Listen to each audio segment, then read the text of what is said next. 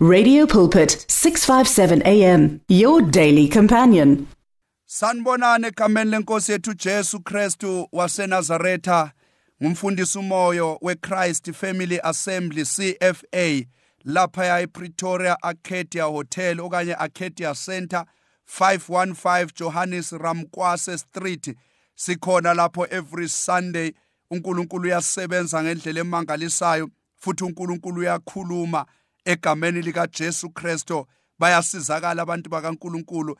Ngiyafisa ngelinye ilanga nawe ukusivakashele lapha your life will never be the same again. Sesibabonile abantu befika lapha bethi mfundisi sikuzwe khona ka radio pulpit 657 am siyabonga kakhulu. Mangisho njalo ngiyabingelela kubalaleli emakhaya ingceku zikaNkuluNkulu zonke abaprofeti abapostoli abavangeli abafundisi othisha egameni likaJesu fivefold ministry yonke kanye nebandla likaKristu umakoti wewundlu bazalwane ngiyanibingelela egameni likaJesu Kristo waseNazaretha. Angizi ukudlalisa isikhathi ke ngicela nje singene endabeni yethu namhlanje egameni likaJesu Kristo waseNazaretha eh kuMark chapter 5 verse 25 to 34 egameni likaJesu Kristo waseNazaretha. Now lithi ke iBhayibheli Mark chapter 5 verse 25 to 34 Mark chapter 5 verse 25 to 34 lithi iBhayibheli kwakukhona owesifazana owayenomopho iminyaka eyi12 minyaka eyishumi nambili. Now lithi iBhayibheli verse 26 wayehluphekile kakhulu ehla enyuka ezinyangeni eziningi futhi esechithe konke ayenakho kodwa kunhlanga zimuka nomoya kubhebhetheka okwakumphethe. Verse 27 esezwile ngoJesu waya esixukwini ngasemuva wathinta ingubo kaJesu ngokuba wathi uma nje ngingathinta izingubo zakhe ngiza kusindiswa verse 29 masinyane umthombo wegazi lakhe wanqamuka. Wezwa emzimbeni wakhe ukuthi usesindile esifeni ebesimhlupha. Verse 30 kwathi uJesu angezwa kuye ukuthi amandla aphumile waphendukela esixukwini wathi ngubani ongithinte izingubo zami na? Verse 31 abafundi bakhe bathi kuye ingani uyabona ukuthi isixuku sikuminyanisile pho ubuzelani ukuthi ngubani okuthintileyo na? Verse 32 waqalaza ukuba abone ukuthi ngubani owayenze lokho. Kepha owesifazana engakwazi okwake kwenzekile kuye wesaba wathuthumela weza waziphonsa phambi kukaJesu phansi wamtshela lonke iqiniso. uJesu wasethi kuye ndodakazi ukukholwa kwakho kukusindisile. Hamba ngokuthula uphulukisiwe enhluphekweni yakho. Now ngifuna nje sime lapho egameni lika Jesu. Now lithi iBhayibheli ke balaleli emakhaya ku radio pulpit siyabonga kakhulu ukuthi ningilalele namhlanje ekseni lithi iBhayibheli kwakukhona owesifazana wayenesifo somopho. Bazokhumbula kahle abazalwane ukuthi ivesi elijwayelekile. Kodwa ngeke ngithi mina ungalijwayeli ivesi ngoba uNkulunkulu uzambula ngendlela eziningi ngevesi olaziyo. Now lithi iBhayibheli lo mama wayesezame konke engena ephuma. Lo mama wayesekwenze konke lithi iBhayibheli lo mama wayesephuma ngisho nasezinyangeni. Ezama impilo ephethwe isifo sokuvuza igazi. Omama bayazi mangikhuluma kanje ukuthi ngikhuluma ngani? Nabo baba bayazi. Nawu lithi iBhayibheli sesibizwa ngesifo ngoba lo mama wayebleeda nonstop. Kahle kahle eqinisweni akusona isifo. Ngoba every month abantu besifazana bayazi yindalo leyo uNkulunkulu ukudale kwabanjalo kunendlela abantu besifazana abaziklina ngakhona igazi labo. So bazoya ke esikhathini for a certain period of time. Now iBhayibheli lo wesifazane esifunda ngaye namhlanje libiza le condition yakhe ngesifo ngoba yayisihambe yadlulelwa isikhathi lento. In other words makumele astophe lo mama wayengasastophi for 12 years ebleeder for 12 years engena esikhathini it was not an easy situation. It was not an easy situation. Futhi angimjaji lo mama ngoba naye ukuthi azangene nje ezinyangeni kungoba mhlambe wayengalutholi usizo. Sengiyazicabangela ukuthi wayengena ethempelini kuthandazelwe aphume loke njalo angene esinagogo athandazelwe aphume loke njalo kwenze njani? Kungoba abazalwane sebeyahlangana nje endlini kaNkuluNkulu sekuyi-religion sekuyinjwayelo. Amandla kaNkuluNkulu asabonakali. And amandla kaNkuluNkulu mayengasabonakali abantu baba nama options lo mama wayengamemezeli ukuthi manje ngiyenyangeni kodwa ungathi ngiyabona ukuthi sengathi abantu ayehambe wangena kubo edinga usizo ngoba uzokhumbula ukuthi mawusenkingeni bantu bakithi ugcina usutshela nanoma ubani ngoba awazi usizo lwakho luyovelaphi so sengiyazicabangela ukuthi lo mama abantu kahle kahle ababe abasebedayisa ngesimo sakhe okanye abasebehleba ngesimo sakhe yibo laba engena kubo ethi ufuna usizo. Naye phuma mayengasizakalanga zwakale kuthiwa kade kubani bani efuna usizo. Nalona uzothi hayibo kunomama othizeni la. Yeba kithi usengene ephuma la e, angazi nami ngamsiza kanjani. Athi lona athi nakimi ubuya kimi lo mama lo mama okhuluma ngaye ngiyamazi ngize ngamfuthela nangempepho. Ngoba lithi iBhayibheli wayesebuya nasenyangeni so ungathi ngiyabona nezinyanga zakuleso sikhathi ukuthi zazi ke zihlangane la ihlangana khona zibe sezikhuluma ngalomama indaba yaphephetheka ke yagcwala isizwe sonke ukuthi kunomama onesifo somopho. Ayive ibuhlungu into yokuthi uthi unesimo utshela abantu in confidence utshela abantu kuyimfihlo yakho. Abantu bagijime bagcwalise yonke indawo. Abanye with a genuine heart ukuthi bafuna ukusizana nawe bafuna ukusizana kanye nawe. Mhlawumbe bayabuza ukuthi hey kunomngane la onesimo esikanje? Angasizakala kanjani? Kanti ngaleso sikhathi bethi bayakusiza kanti batshela umuntu orong batshela uvovo liyakhipha. Ozogijima agcwalisa indaba zakho wonke umhlaba. Lo mama lithi iBhayibheli ngenxa yesifo sakhe nesimo sakhe kwakungasekho nomuntu wayesefuna ukuba seduze naye. Ngoba uzokhumbula ke emlalela ukuthi vele ma umuntu esesimene esithizeni akekho umuntu ofuna ukuzi associate naye. Abantu bafuna ukuzi associate nabantu abanemali bafuna ukuzi associate nabantu abaphumelele bafuna ukuzi associate nabantu abanezinto. Uzokhumbula ukuthi ngesikhathi sisakhula bekuba khona lo yedwa phakathi kwezinsizwa okanye nisasengabantwana abafanyanyana ozobe eqhamuka ku rich family nguyena onebhayisikili la.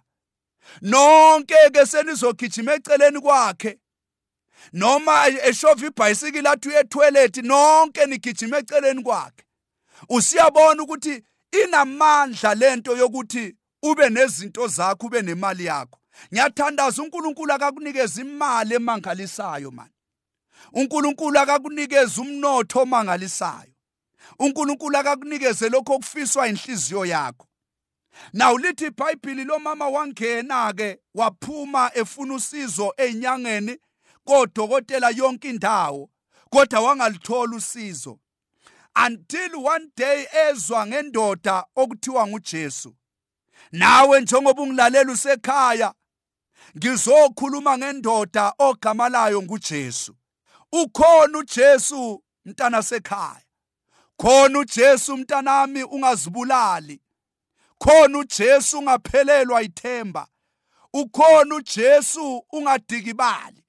Ukhona uJesu uJesu uyaphila. Ngithi mina ungalahlekelwa yithemba. Ukhona! uJesu. Nawu lithi iBhayibheli wathi kuye lo mama noma ngasakhulumanga naye uma nje ngabamba umphetho wengubo yakhe ngizowuphiliswa ngizosindiswa. Usuyabona ke le nto kade ngisho mlalela ekhaya ukuthi into esisenza lo mama angakwazi ukukhuluma noJesu mhlambe naye sephoxeke kakhulu etshela abantu ngesimo sakhe abantu bajike bakhulume ngesimo sakhe public. Naye akasathembi kahle uzwile ngamandla uJesu awe azibonakalisa ngawo. Uzwile ngamandla kaJesu ukuthi abafile bayavuka impumputhe ezivuleka amehlo izithulu ziyezwe endlebeni izishosha ziyaphakama. Usethi ke kuye kodwa lo noma sengizwile ngokuthi naye unamandla. Ngoba uzokhumbula njengoba engena ephuma enyangeni kusho ukuthi wayereferwe ngabantu ababephuma nabo kuzo lezo nyanga lezo. Bethi hey hamba kusibani bani uzokusiza unamandla? Hey hamba kugogo usibani bani uzokusiza naye unamandla? Nawulithi iBhayibheli kodwa waya wangasizakali. Kodwa siyathola kukhona into ekhona la. Lo mama sengathi wayesekhathele ngokukhuluma ngesimo sakhe. Wagcina sekhuluma naye selufu. Akasakhulumi nabantu wakhuluma nomuntu wangaphakathi wakhe. Wathi uma nje ngingaya ngiye kuJesu ngiyothinta umphetho wengubo yakhe ngiyosindiswa. Lithi iBhayibheli uzokhumbula ukuthi ngomthetho wamaJuda wayengavumelekile ngenxa yesimo sakhe ukuthi ahlanganyele kanye nabanye abantu. Nawu lithi iBhayibheli weza ngasemuva waqhamukela ngasemuva waba nestrategy. Yebazalwane akusho ukuthi nasesindisiwe kusho ukuthi sekumele sibe yiphukuphuku akudinge akufune istrategy sokuthi ibhizinisi lakho liphumelele kanjani. Akufune istrategy sokuphasa esikolweni mntanami mangabe uyafunda. Akufune istrategy sokuthi uthole ipromotion mangabe ususebenza iminyaka emide ulapho kulowo msebenzi kodwa bakupromote. Akufune istrategy sokumakhetha mangabe wena uyamakhetha mara uthola umsebenzi. Yonke into ifuna umuntu onestrategy. Istrategy ke bazalwane ukuhlakanipha okudlula ukuqonda konke. Ukwenza kwezinto okunokuhlakanipha ngaphakathi okwenza ukuthi ube nemiphumela emihle. Now lo mama wafuna leso strategy wathi angizukuza njengabaningi. Mina ngizoqhamuka ngasemuva.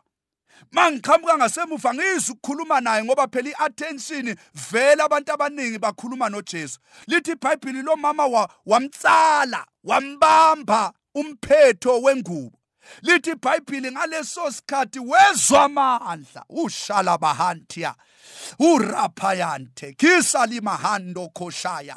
Lithi iBhayibheli wezwa amandla engena emzimbeni wakhe. Nkosi yami. Lithi iBhayibheli ngaleso sikhathi wazizwa lo mama ukuthi ngaphila. Hey bazalwane ngoba into kaNkuluNkulu uma isingenile kahle kahle emzimbeni kusystem yakho kamoya. Na uyazizwa noma uthandaza ukuthi hayi khona ngisemandleni. Na uyazizwa noma uapply ukuthi hayi man yabona kulenyanga khona into okumele yenzeke. Na uyazizwa bakithi hayi bazalwane uyazizwa man makukhona into enzakalayo uyazizwa enyameni nasegazini nasemoyeni nasemphefumulweni uyazizwa uyazizwa man uyazizwa uyazizwa ngoba lento kaNkuluNkulu mayisingenile iba yisensa ngaphakathi. Lithi iBhayibheli lo mama washeshe wasensa ukuthi sengiphilile manje sengiphilile manje sengiphilile manje. Ngiyazizwa ukuthi no man sengiright sengumqimane. Hayi man ngizokhuluma nogulayo manje njengoba ngikhuluma kanje kukhona amazwi angena esimeni sempilo yakho. Lelozwi nguJesu uzongena anyamalalise zonke izifo ezifihle phakathi enyameni nasegazini nasemathanjeni akho ngegama lika Jesu noma yisiphi isimo financially noma yisiphi isimo ngegama lika Jesu Kristo nawe uzozizwa kusukela namhlanje ukuthi kukhona okwenzakele empilweni yakho kuhle. Now lithi iBhayibheli same time uJesu wasethi kubafundi bakhe waphendukela kubo wathi emadoda ngubani ongithintile? Ngoba ngizwa amandla ephuma kimi. Kwasho ukuthi uJesu uhamba nabafundi bakhe kodwa bakaqeqesheki kahle ekuunderstandeni ilanguage kaJesu. Ngoba umuntu ohamba naye kumele umunderstand mayikhuluma Now lithi iBhayibheli abazange bamuzwe. In fact bazama baba defensive baba resistant kulento uJesu ayikhulumayo. Bathi bona no ukusho kanjani lokho? Ngoba phela uyabona wonke umuntu uyakuthinta la. Abantu baziminyanisa nawe isixuku uyasibona singakanani ngoba uJesu bakithi wayilandela ihlelo zabantu. Naw ngizocorrecta lo moya osukhona lamalanga emabandleni. Kwazi ungathi uma ngabe umfundisi thizeni ulandelwa yihlwele zabantu bese kuthiwa uthwele hey ngamanga nomona lo. And esikhathini esiningi kukhuluma abazalwane kukhuluma thina abafundisi. Ngiyawukhuza lowo moya uJesu lo esimkhonzayo. Hey bazalwane la kade ubethi mayefika endaweni bekugcwala i prophesy and i declare and decree ukuthi wena mfundisi njengoba ungilalele kanje nceke yenkosi prophetikazi ngiyathandaza ukuthi ebandleni lakho akugcwale ngegama lika Jesu Kristu waseNazaretha. Kodwa abantu abavane bagcwale mfundisi unless bebona ivalue kuwe unless bebona impatho kuwe unless bebona ukuthi uyabahlonipha futhi ubahambisa phambili. Hayi ukuthi uyabayuza ufuna imali zabo ngoba lamalanga sezikhona impisi ziphumile eziningi zigqoka amasudu zihamba ngezimoto ezidurayo zithathela abantu imali azinandaba nemphefumulo zinendaba nemali yabazalwane. Hayi ngizolikhuluma vele iqiniso ngoba uJesu seyabuya. Hey kufuneka inceku ezizoba ezizonakekela imphefumulo yabazalwane. Whether unemali okanye akanamali akangena khonze angabandlululwa. Kungathiwa ngoba kanamali uma kwenziwe ezinye izinto yena ubekwela ngaphandle ubekele eceleni hayi khona abazalwane. Wonke umuntu ubalulekile nonemali naye siyamdinga kuze ivangeli lihambe. Nonganamali naye siyamdinga kuze athandaze umsebenzi kaNkuluNkulu uqhubeke ukhule nawu lithi iBhayibheli abafundi bakaJesu bathi ukusho kanjani ukuthi kukhona okuthintile ngoba phela nabo abantu bayakuthinta abaningi kwathi ukuthi abam-understand ujesu ukuthi usekhuluma imfihlakalo ngoba singagcwala sonke bakithi emabandleni sithandaze sonke kodwa kukhona lo yedwa ozomthinta uNkulunkulu ngendlela ehlukile. That is why sonke ngama Sundays asifumana ama testimony ngesikhathi esifanayo. Kuya ngokuthi lo mthintile umthinte kanjani. Yebo sibaningi. Kodwa ngosuku olulodwa umangale kwenzeka izimangaliso ezimbalwa kodwa abantu baningi. Nawulithi iBhayibheli lo mama wasinda kanjalo waphila kanjalo. Sengiyayigoqa indaba yami ngenxa yesikhathi. Ngizothi kuwe sengathi ungamthinta ngokukholwa uJesu. Into enza ukuthi lo mama aphiliswe ukukholwa kwakhe. Lo mama kukhona into azitshela yona enhlizweni yakhe. Wathi angizi ukuya kuleya ndawo. Ngihambe ngiyofika laphaya ngiphindele emuva ngiloke ngifana. Wathi uma ngingafika this time ngiyomthinta. Uma ngamthinta ngiyazi sekuyikuphila kwami. Lalela mzalwane mawuzophuma uye enkonzweni. Kumele kube khona into ozitshela yona usasuka ekhaya. Uthi abantwana bami bonke bayasebenza abantwana bami bonke bayashada. Umsebenzi ngiyawuthola. Leli bhizinisi ngelami. Imali ezibambekile ziyakhululeka namhlanje. Ukhulume nawe selufu uphuma ekhaya. Uthi namhlanje lesisifo uma ngeke nganyathela nje kuleya ndawo yasenkonzweni njengoba ngiyenkonzweni hayi ngiyaphila namhlanje. Awu siyabonga kakhulu. Balalele emakhaya egameni likaJesu. Ake siphinde futhi sihlanganyele kulolu hlelo radio pulpit. Ngizobe ngikhona futhi next week saturday egameni likaJesu nguphathele indaba ezimnandi. Kodwa wena okhonayo ngicela ukuthi ufike la eArcadia ePretoria. Uzokhonza nathi ngizokuthandazela ngizokhuza imimoya ngiyamethemba uNkulunkulu isimo sakho sangashintsha. 515 Johannes Ramukwase Street Arcadia Hotel. See you there. God bless you. The words of the Lord are words of life. Your heart is on 657 AM 657 AM radio for believers in action